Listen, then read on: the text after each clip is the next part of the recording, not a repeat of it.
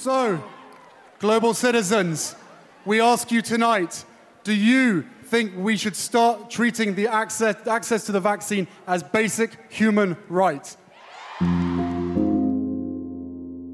Vanaf deze week krijgen de eerste Nederlanders een uitnodiging voor een booster van het coronavaccin. Een derde prik, om ervoor te zorgen dat je beter beschermd bent tegen het virus. Ook andere landen beginnen met deze boosters. In de Verenigde Staten, Frankrijk en Duitsland loopt al een succesvol boosterprogramma. Het maakt de vaccinatieongelijkheid in de wereld nog groter. Want terwijl jij straks voor een derde prik in de rij mag, moeten mensen in landen als Niger, Myanmar of Nicaragua waarschijnlijk nog maanden wachten op hun eerste prik. Slechts 2% van alle beschikbare vaccins zijn tot nu toe naar Afrikaanse landen gegaan. Achter deze ongelijkheid zit een strategisch geopolitiek spel. Want wie de vaccins heeft, heeft macht.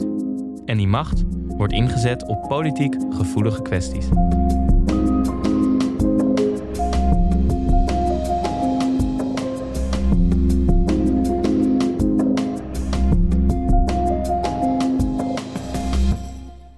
Welkom bij de podcast Wereldmachten. Mijn naam is Tim Wagemakers, ik ben journalist en neem je elke week mee in het geopolitieke spel achter het nieuws. Vandaag praten we over de geopolitiek achter vaccins. Hoe worden vaccinaties als pressiemiddel ingezet? En tegenover me zit elke week Hans Klis, oprichter van kennisplatform De Buitenlandredactie. Welkom. Dank je, hallo. Fijn dat je er bent. De eerste.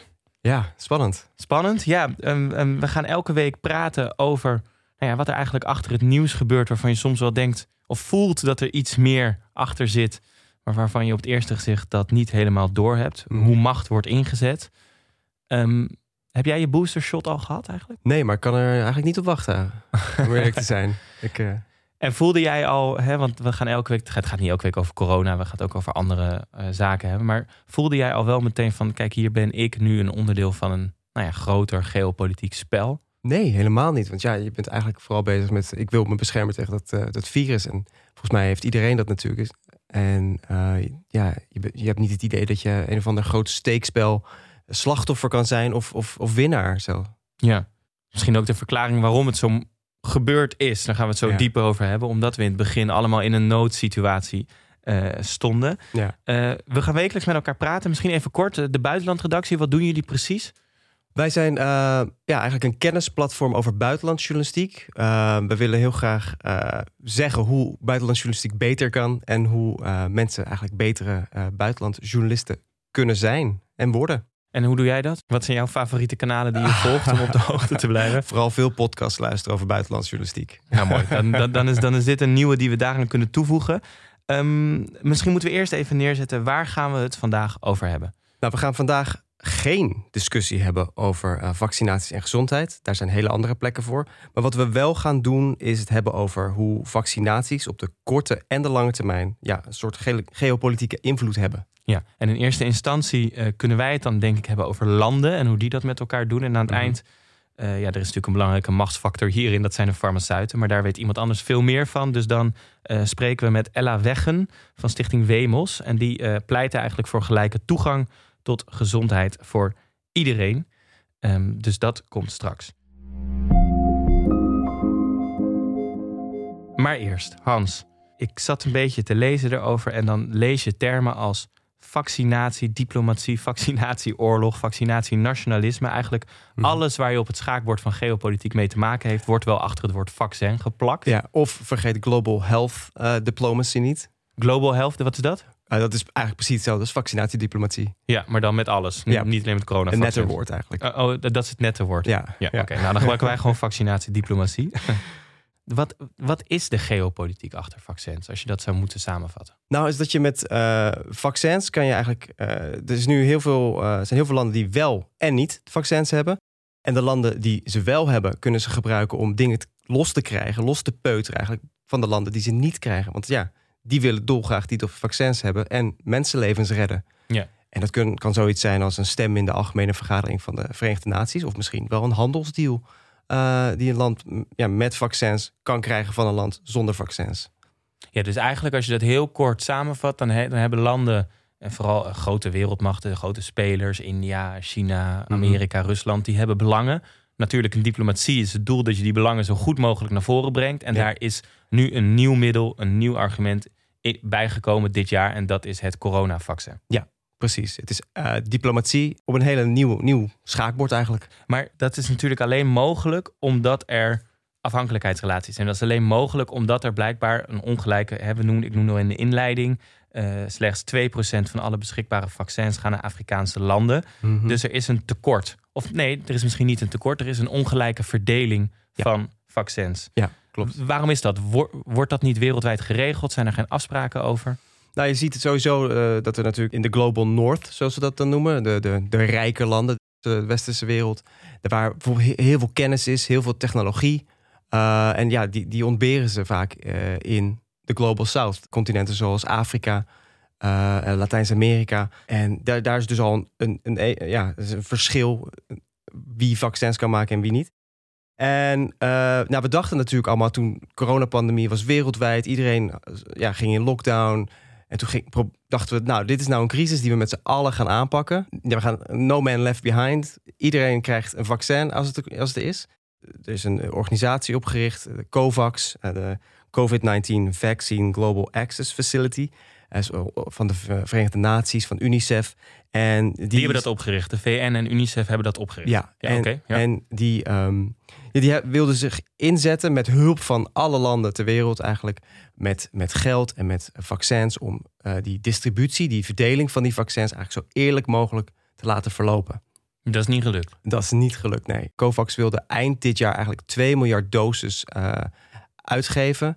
Maar heeft het onlangs eh, vorige maand eh, bijgesteld naar maar zoiets van 400 miljoen doses die ze gaan leveren dit jaar. Maar hoe kan, hoe, hoe kan dat dan? Want die landen hebben zich, eh, die doen eraan mee. Volgens mij doen de meeste landen doen daar aan mee. Mhm, Ja, klopt. Dus het doel is duidelijk. We willen het zo eerlijk mogelijk verdelen. En tegelijkertijd zitten we nu in de situatie dat... Ik las Canada, die kan hun eigen bevolking negen keer vaccineren... Mhm. met de voorraad die ze Ja, hebben. ja. En in Afrikaanse landen, maar ook in eh, Nicaragua bijvoorbeeld... komen ze vaccins tekort. Hoe kan dat dan? Dat heeft eh, eigenlijk drie redenen. Eh, heel veel ja, rijke landen die zijn eigenlijk begonnen met een soort van ja, opslaan van vaccins. Voor het geval dat, dat zie je natuurlijk nu met die, met die booster shots die daar, die, waar we het nu over hebben. Dat kan alleen maar als je een voorraadje hebt aangelegd. Eh, ja, en als je een voorraadje aanlegt, kan je dat niet delen met andere mensen. Dat is eigenlijk vaccin nationalisme. Eigen land eerst. Ja, precies. Ja. En een tweede reden is dat eh, heel veel landen eigenlijk hebben toegezegd geld te geven aan COVAX, zodat COVAX eh, die vaccins kon inslaan, dus deals kon afsluiten. Maar die hebben dat uiteindelijk ja, toch niet echt gedaan. Die hebben gewoon een stuk minder gegeven of niet gegeven. Waar, ja, waardoor COVAX dus geen goede deals kan sluiten Met de farmaceuten. met de farmaceuten om die vaccins daadwerkelijk te kopen die ze willen eh, verspreiden. En dan, eh, ik noemde het al eigenlijk, de derde is natuurlijk die booster shots. Dus de nieuwe productie van vaccins wordt weer teruggesluist naar andere plekken voor een derde of een vierde shot. Ja, maar als ik dat dan heel simpel probeer te begrijpen, dan heb je COVAX. Het idee was, daar gingen alle landen geld in stoppen en daar gingen we dan samen het wereldwijd verdelen. Ja. Maar ondertussen hebben landen, ik bedoel, Engeland heeft gewoon zelf AstraZeneca eh, de opdracht gegeven om voor hun vaccins te maken in eh, Amerika. Die hebben gewoon orders uitgezet bij Pfizer Ja. om zoveel. Dus, dus rond COVAX hebben landen zelf ook nog geïnvesteerd. Klopt, ja. Volgens mij heeft Angela Merkel eh, naast alles wat de EU heeft afgesloten... ook nog een zijdeal gesloten vorig jaar over vaccins. Gewoon om ervoor te zorgen dat, ja, dat je toch niet je met lege handen achter, achter, achter blijft. Tegelijkertijd, als je dat ziet, dan snap je dat op dat schaakbord dat je een aantal landen hebt die, die, die er warmpjes bij zit- zitten Mhm. en zaten, en landen die dat minder zaten. Ja. Tegelijkertijd zag je ook wel een, eh, twee reacties. Een aantal landen die duwden zichzelf enorm naar voren. Dat is dan de vaccin-diplomatie. En die zeiden: Wij gaan jullie helpen. China deed dat heel erg. In Afrikaanse landen, in Zuidoost-Azië. En die zeiden: Ons vaccin, Sinovac en Sinopharm, dat gaan we aan jullie geven. Volgens mij is ook een heel goed voorbeeld daarin uh, Servië. Um, en daar uh, heeft de, de premier... Vucic. Vucic, ja. Die heeft daar hele ladingen uh, Chinese vaccins gekregen. En wat hij is gaan doen, is, is ook uitdelen aan, aan de landen om hem heen. Montenegro heeft gehad. En, en elke keer was hij er wel weer, stond hij wel weer op dat vliegveld... bij zo'n vlieg, vliegtuig met misschien 2000, 3000 doses aan vaccins... stond hij daar mooi, mooi sier te maken. Uh, en, en, en, daarmee cementen die eigenlijk zijn eigen buitenlandse bona fides. Hoe, hoe goed hij eigenlijk was als staatsman en hoe, Ja. weet je, uh, wat voor, wat voor positie die ze eigenlijk had in die, in die regio.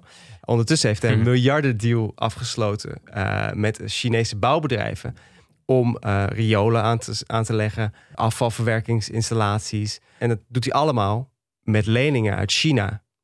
En ja, die leningen moet je op een gegeven moment ook gewoon gaan betalen. En daarmee heeft hij dus een hele onafha- ja, zijn onafhankelijkheid een beetje opgegeven.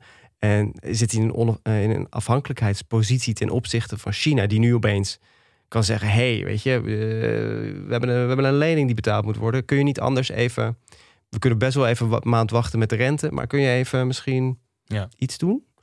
Ik heb altijd geleerd vroeger dat eh, als het niet goed gaat in je eigen land, die Vucic had ook eh, lage populariteit, dan moet je een gezamenlijke vijand creëren. Dan moet je ergens in het buitenland oorlog gaan voeren. Dat is een beetje de, hè, Mhm. de, de, hoe, hoe oude mannen over politiek praten vaak, zeg maar. Dat, dat, maar het is natuurlijk wel zo dat, eh, dat, eh, dat die landen eh, en zo'n Vucic ook zijn populariteit is gestegen. Ja. Ja. Ja. Ja. Dus blijkbaar heeft dat zin gehad voor een aantal landen om dat beeld uit te dragen. Ja, precies. Want ja, als je, als je kan laten zien van hey, de hele wereld heeft geen vaccins, maar wij wel. Ja, dan maak je natuurlijk je burgers blij. Ja. Alleen als de rekening, als die er is, later komt, ja, dan ben je er misschien wel wat minder blij mee. Maar uiteindelijk is, eh, ja, zijn die vaccins, omdat er zo'n gat eigenlijk is gevallen in de wereld van mensen die, van landen die hun eigen gang maar gaan, eigen, eh, zichzelf willen redden. Ehm, ja, dat, dat er zulke spelers kunnen zijn die zeggen: hey, ja, er is een tekort, daar spelen wij op in. En ja, als je mocht je ooit ja, een keer een stem in de eh, Verenigde Naties moeten doen, misschien zit je wel in de Veiligheidsraad. Misschien kun je, denk je dan terug aan de tijd dat wij ja, jullie vaccins hebben gegeven. En dan ja, misschien dan, eh, dan gaat die stem onze kant op. Ja, dus eigenlijk op de scoretabel komen er streepjes achter landen te staan die in het krijt staan van andere Ja, landen. ja. Hoe worden vaccins ingezet voor het afdwingen van andere zaken? Want we hebben bijvoorbeeld ook de Filipijnen, we hebben ook Argentinië. Daar, Mhm. daar zien we ook dat er eh getouwtrek was om vaccins. Mhm, Ja. Nou, in eh, Argentinië, die wilde dolgraag eind vorig jaar natuurlijk al vaccineren. Al beginnen met vaccineren. Iedereen ging gebukt onder al die hoge infectiecijfers, die vollopende IC's. En bijvoorbeeld Argentinië, die accepteerde heel, maar al te graag eigenlijk eh, hulp van Rusland, die hun Sputnik V eh, vaccins al hadden vorig jaar. En eh, bereid waren om die eigenlijk kosteloos bijna te verschepen naar een land als Argentinië. En dan, ja, volgens mij gebeurde dit op kerstavond. Dat een, een, een vliegtuig vol met Sputnik V landde in Argentinië. Er was een live-uitzending. eh, en in een toespraak bedankt dus de president van Argentinië expliciet zijn, ja, zijn goede vriend, meneer Poetin. Maar hoe belangrijk is dat geopolitiek voor Rusland? Omdat Argentinië is, is, is natuurlijk een land in Latijns-Amerika en dat is de achtertuin van Amerika eigenlijk. Dat is een, een, een, een gebied waar Amerika traditioneel gezien invloed op uitoefent. En opeens zien ze daar de president Ja. gewoon de grote rivaal bedanken eigenlijk. En dat is natuurlijk gewoon PR-gewijs is dat gewoon een, overwinning voor, voor Rusland. Maar dan als je kijkt geopolitiek gezien, want daar hebben we het vandaag over hoe Ja. die vaccins als geopolitiek wapen worden ingezet. Ja. Dan is imago super belangrijk in vaccindiplomatie. Dan is zeg maar het beeld dat China wel kon leveren heel snel. Het beeld dat Rusland meteen kon leveren aan Argentinië. Ja. Dat is een geopolitieke winst. Dat laat zien dat zij, ehm, nou ja, dat, dat, dat misschien Afrikaanse landen die eh, met lage inkomens toch vaak nog hulp nodig hebben van andere landen, denken misschien moeten we in de toekomst niet bij Amerika zijn of bij de EU, maar naar China kijken, want dat ging toen zo goed met de vaccins. Ja, precies. Zij waren er eerder, ze hadden er meer. En eh, we kunnen op ze rekenen. Wat staat er op het spel voor personen? Kijk, dit hele grote geopolitieke spel. Wij zitten natuurlijk tot nu toe, eh, we moeten misschien even afkloppen, aan, de, aan, weer is de goede kant van de streep. Zeg Ja. maar, eh, mijn Nederlandse paspoort geeft me al bijna overal toegang toe in de Mhm. wereld. Eh, de, de vaccins die ik gehad heb, zijn door de World Health Organization goedgekeurd. Eh, die worden overal erkend. Ja. Ehm, maar op het moment dat jij een Chinees vaccin hebt, mag je volgens mij bijvoorbeeld niet Singapore in. Nee, klopt. Klopt. Het mogen alleen maar de, de, de tussen aanhalingstekens westerse vaccins eigenlijk zijn. En je kunt wel, eh, als ik het goed heb gekeken, eh, gezien op de, op de, de site van de douane eh, in Singapore, dat je, je, kunt een, je kunt wel een vrijstelling krijgen, maar dat is heel erg lastig. Uh, en dat laat wel zien dat, dat die vaccins weer toegang geven, economische toegang bieden tot, tot andere landen. En je dus een voorsprong geven, mocht dat nodig zijn. En als jij bijvoorbeeld in Niger woont, ja, niet gevaccineerd kunt worden, maar wel je zieke moeder in Nederland wil bezoeken, ja, dan is dat jammer voor, voor jou. En dat komt door dat getouwtrek en, en die diplomatie. En eh, het spelen eigenlijk met die mensenlevens op, op hele grote schaal. Maar dat betekent dus eigenlijk dat op het moment dat jij op de verkeerde plek woont. En, en we zien nu nog niet, maar dat is natuurlijk de angst die veel mensen hebben. Misschien dat we het ook zo even moeten hebben over, is er ook een tegenbeweging tegen? Mhm. Maar de angst die natuurlijk op de lange termijn misschien bij sommige mensen zit, is dat je ongelijkheid in stand houdt die er al is. Je hebt er niet voor gekozen welk mhm. vaccin je kon krijgen. Maar je wordt wel op achterstand gezet om bijvoorbeeld vrij te reizen. Ja, ja het is natuurlijk al een hele loterij waar je geboren wordt en wat vakantie je daarmee krijgt. Maar nu is er nog zoiets wat nog eens benadrukt of misschien die ongelijkheid nog groter maakt. Maar we kijken nu heel erg dan naar, de, naar China, naar Rusland. Maar je kunt ook zeggen dat dan Amerika en de EU ook een powerplay doen. Want die zeggen eigenlijk ook onze vaccins zijn beter, die zijn mhm. beter. Waardoor andere landen in een situatie kunnen komen dat ze zeggen: we, gaan die andere vaccins niet accepteren, want die zijn beter. Ik bedoel, Joe Biden heeft nog grote speech gehouden. Wij mhm. gaan de levering doen, vertrouw ons. Ja, ja, en hij heeft ook nog eens benadrukt uh, dat, hij, dat het voor hem geen uh, quid pro quo is, dat er niks tegenover staat. Want Amerika doet het natuurlijk geheel belangeloos. Precies. En je kunt je ook voorstellen dat dat natuurlijk ook niet helemaal waar is. Want zij hebben ook belangen die tegen de belangen van China ingaan. Ze hebben natuurlijk ook een rivaliteit met Rusland. Inderdaad. En ze hebben, ook belang bij dat uh, landen als uh, ja, dat, dat Balkanlanden bijvoorbeeld dichter bij de EU blijven. Dat ze niet opschuiven naar China of naar Rusland. misschien ook nog, het is zo dat bijvoorbeeld als je kijkt naar Thailand, dat is misschien een interessant voorbeeld. Die, daar werd heel erg um, naar China gekeken. Daar kwam eerst Chinese vaccin. Vervolgens ging Delta daar flink rond. Daar, daar kwam mhm. ook uh, duidelijk dat die effectiviteit minder was. En die zijn nu gaan mixen. Dus die, die, die, die bieden nu weer AstraZeneca aan. En volgens mij hebben ze zelfs lokaal een fabriek staan die dat nu kan maken. Daar hebben ze toestemming voor gekregen. Je krijgt dus een enorme variatie aan hoe mensen gevaccineerd zijn. Ja. Ehm, en dat, oh, sorry. En dat weerspiegelt ook eigenlijk, denk ik, uh, de, de, de, hoe landen tussen tussen die grote machten zitten van een Amerika, van een China. En een beetje zoals in de Koude Oorlog ook die, die grenslanden tussen de Sovjet-Unie en, en Europa ook gewoon uh, de ene, bij, de ene, bij, het ene, uh, bij de ene supermacht dingen vandaan haalden en dan weer bij de andere. En dan eh, heet het opschoven en keken wat is mijn belang om naar wie te luisteren, om, naar, om ja, welke vaccins ik nu insla, om die te paaien eigenlijk. Maar kunnen we dan concluderen voor nu dat eigenlijk wat vroeger als je ouderwets over invloedssferen sprak, ging vaak over het beeld dat je naar buiten uitdraagt en hoe mensen naar jouw land kijken en hoe ze zien of jij je spullen op orde hebt, of jij dingen kan leveren die anderen niet kunnen. Misschien soms nog wel belangrijker is dan wat je daadwerkelijk kan leveren, dan wat daadwerkelijk gebeurt. Mhm. En dat misschien ehm, die landen die daartussen gemangeld worden, eigenlijk ja, of de vaccinatiegraad is nog niet hoog, of ze moeten extra bijkopen. Mhm. dat, dat, dat houdt zichzelf natuurlijk lang in stand. Ja, ja, want het blijft transactioneel natuurlijk allemaal. Want op een gegeven moment, je blijft afhankelijk.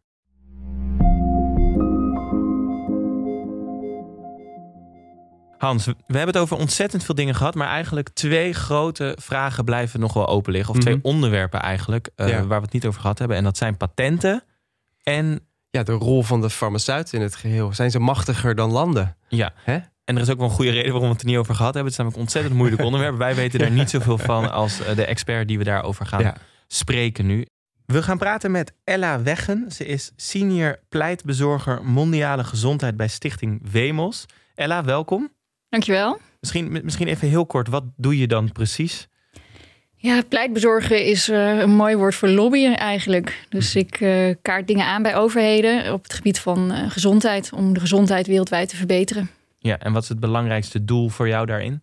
Ik werk voor het programma Access to Medicines. Dus toegang tot uh, betaalbare geneesmiddelen mm. wereldwijd. We hebben het heel veel gehad nu over um, nou ja, de coronavaccins en hoe die verdeeld zijn. En daar zien we enorme ongelijkheid. Maar we hebben het eigenlijk vooral gehad over landen die met elkaar onderhandelen en de geopolitiek daarachter. Maar de farmaceuten zijn nog een beetje buiten schot gebleven. Ligt daar niet veel meer de macht als we het hebben over die vaccins en de verdeling daarvan? Ligt zeker heel veel macht bij farmaceuten. Ja, die eh, zijn natuurlijk uh, de producenten van de vaccins die we momenteel uh, allemaal hier in Nederland toe, toegang toe hebben. Helaas is dat niet overal ter wereld. En ja, je hebt wel te maken met private instellingen die een winstoogmerk hebben. Dus zij verkopen voornamelijk aan de hoge inkomenslanden.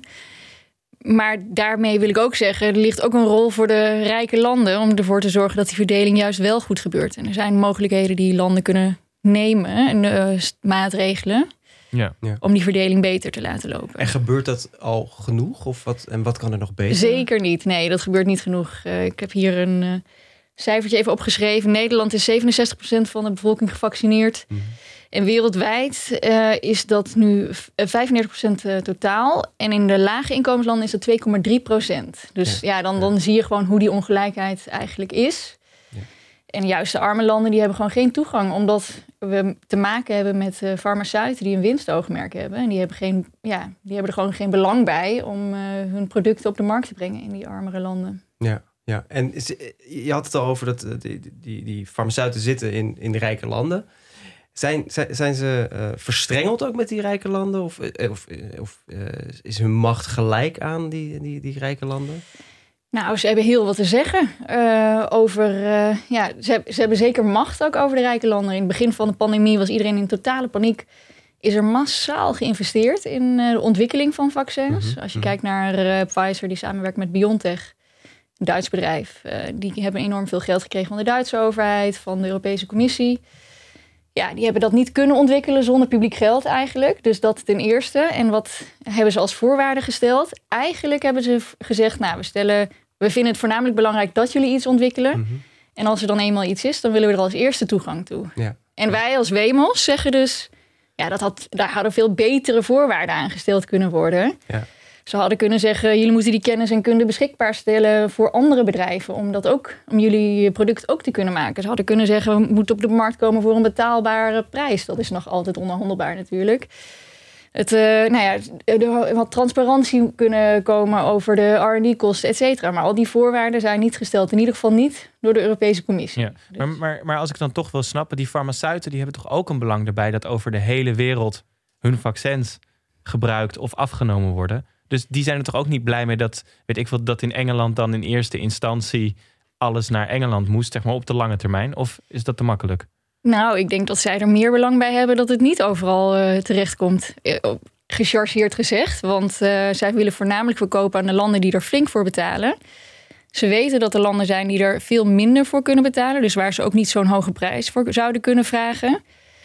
En, nou ja, ik, ik, wil niet zeggen dat het met deze intentie gebeurt, maar doordat we niet wereldwijd uh, vaccineren, ontstaan er ook overal mutaties. En zullen wij hier in rijke landen ons elk jaar moeten vaccineren.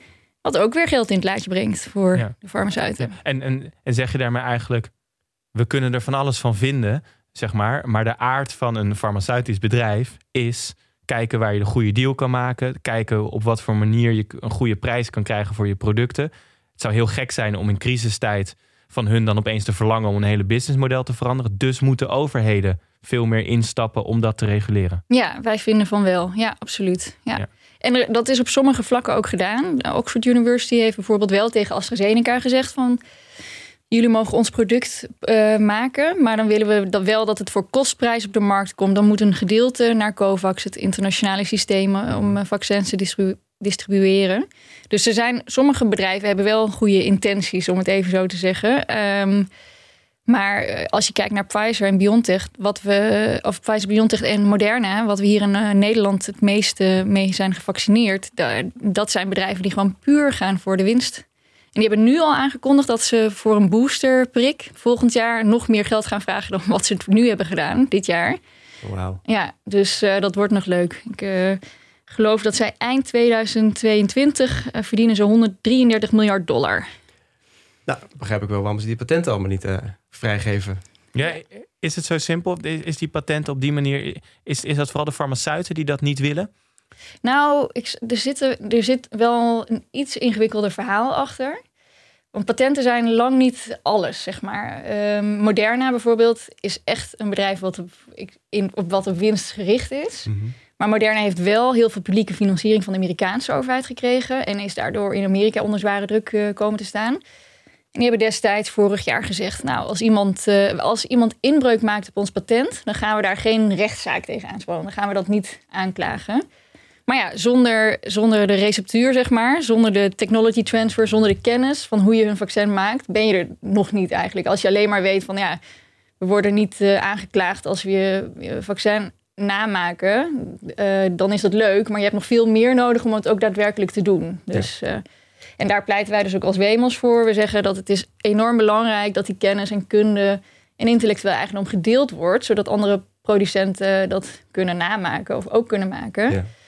En dat doe je het liefst met meewerking, met samenwerken van die farmaceuten. Want zonder kan het. Er is nu een, een hub opgezet in uh, Zuid-Afrika, maar dan zal het veel langer duren. Ja. Maar, maar, misschien dan toch, want we hebben het heel veel in deze podcast gehad over hoe de coronavaccins, zeg maar, een geopolitiek middel of instrument zijn, vaccinatie, diplomatie, dat soort woorden. Um, is het dan zo dat een beetje op dat schaakbord dat je dan landen nemen hun eigen producent mee naar de onderhandelingstafel? Dat is een soort symbiose tussen de Pfizer en Amerika, AstraZeneca en, en Engeland. Moeten we het zo zien? Ze komen in pakketjes?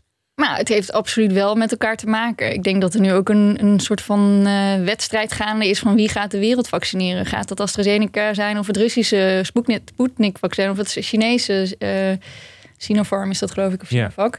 Ja. Mm. Uh, ja, er is wel ook een. Het is ook absoluut een prestige kwestie. Waarbij eigen landen wel uh, ja, uh, ook belangen hebben om hun eigen vaccin naar voren te, ja. te krijgen. En vanuit Wemos, zie jij een verschil tussen de vaccins aan de ene kant, zeg maar, tussen aanhalingstekens Pfizer, Moderna, AstraZeneca en aan bij andere landen Sputnik, Sinopharm, Sinovac, zeg maar, hoe die farmaceutische bedrijven hun patenten wel of niet vrijgeven of, of, of uh, het beschikbaar maken? Nou, ik, ik zie vooral wel een verschil tussen Moderna en Pfizer, die echt op winst gericht zijn. En een AstraZeneca, dat, AstraZeneca die dat niet is. Ik, ik weet, AstraZeneca heeft in Nederland niet echt een goede naam. Heeft natuurlijk ook veel al in het nieuws gekomen rondom de bijwerkingen.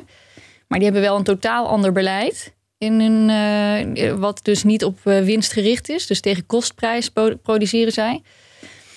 Um, over de andere vaccins, ja, sommige daarvan uh, zijn ook nog niet goedgekeurd in Europa. Dus daar weet ik niet zo heel veel van. Want dat is wel waar ik het meest uh, naar kijk. En, maar is, ik denk dat, ja, dat China vooral heel erg zijn best doet om, om ervoor te zorgen dat hun, hun vaccin wereldwijd kan worden uitgerold. Ja.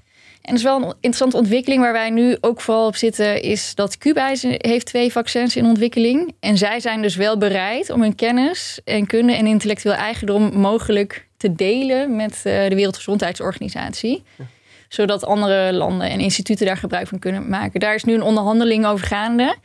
De, dat mechanisme heet CTAP, de COVID-19 Technology Access Pool. Mm -hmm. En dat, dat zien wij als het mechanisme waar ja, waarmee, waarmee we veel sneller uit deze pandemie zouden kunnen komen dan dat we nu uh, doen eigenlijk.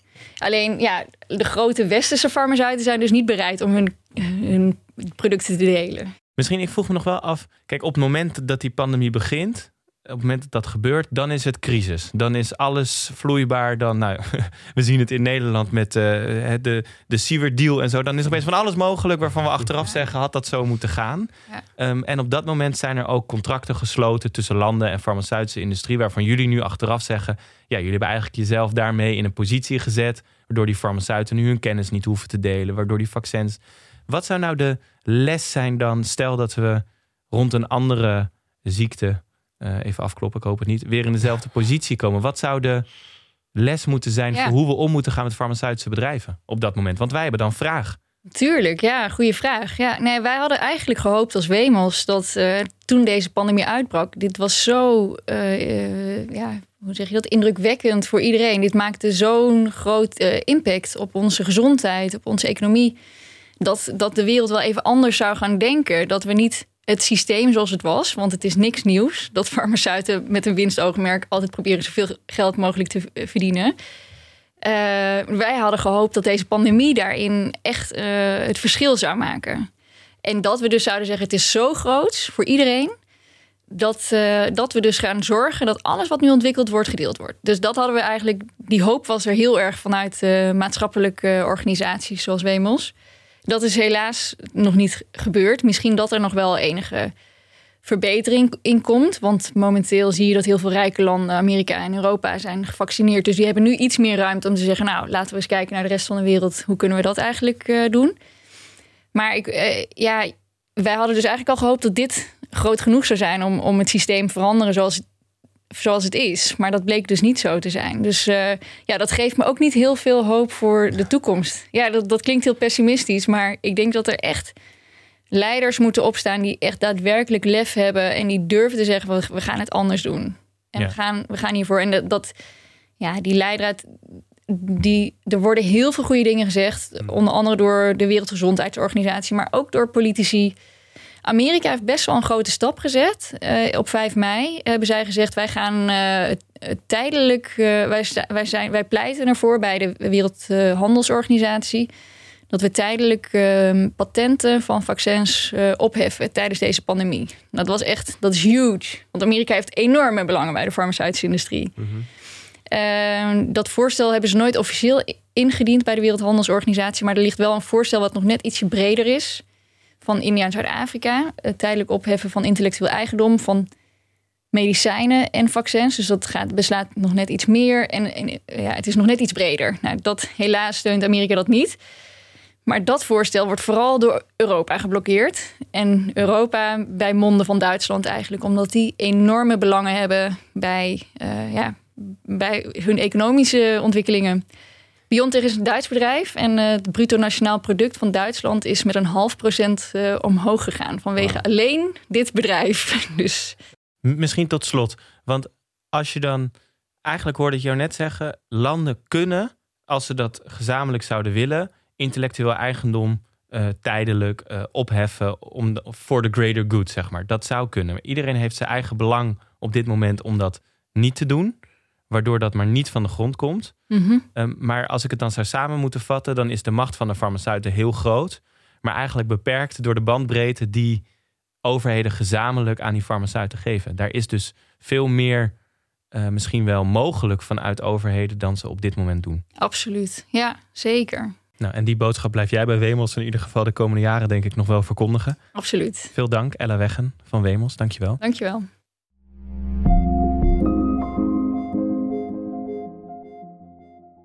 Weet je wat wel bij me blijft hangen als ik, als ik dan Ella ook weer hoor? We weten dat aan het eind van dit jaar we 11 tot 12 miljard vaccins Ja. hebben. De, de farmaceutische industrie kan dat maken. Ja, En eigenlijk wat zij zegt, het is gewoon één groot verdelingsvraagstuk waar we nu mee zitten. ja, ja. Wie krijgt nou als eerste, als laatste straks het vaccin?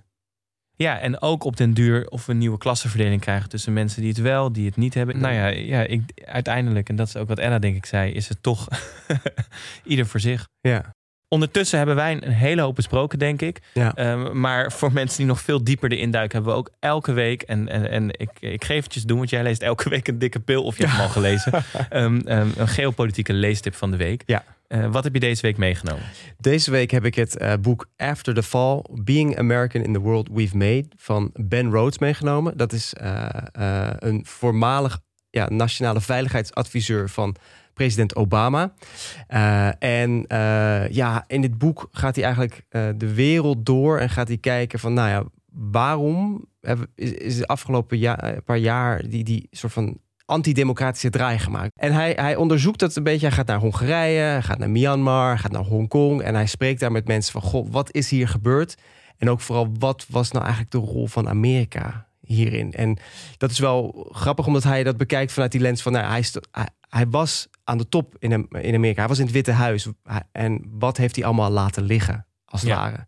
En dat maakt, ja, het is gewoon een heel interessant boek. En dat, het, het, heeft ook te maken met het, eh, met het onderwerp wat we vandaag gesproken, besproken hebben. Want ja, het gaat over landen die allemaal ik eerst. Hè? Ik eerst. En niemand anders. En dat, ja, wat hebben we gezien natuurlijk. En is hij ook een beetje zelfreflectief op de rol van Amerika daar dan in? Als, Ja. als nationaal veiligheidsadviseur hij daar dan zelf ook misschien een rol in gehad? Ja, hij, kijkt het, het- hij bekijkt het een beetje door de, door, de, ja, eh, door de lens van het Amerikaanse exceptionalisme. Amerika is het grootst, beste land ter wereld. Alleen hij kijkt dan zo van, nou ja, maar volgens mij zijn we dat niet. En ook al zijn we daar wel mee opgevoed. En dat Ja. is wel, geeft wel, eh, ja, wel een diepere inkijk, denk ik, in, eh, ja, in, in hoe de wereld, eh, hoe hij de wereld ziet, maar ook hoe de wereld eruit ziet op dit moment. Super interessant. Misschien dat ik zelf dan nog toevoeg dat je ook altijd Anne Applebaum kan volgen. Die heeft dat ook een hele mooi boek geschreven over precies ook dit. Over hoe in Hongarije dat Mhm. bijvoorbeeld veranderd is. Twilight of Democracy is dat. Zo heet hij, ja, precies. Ik zocht de titel.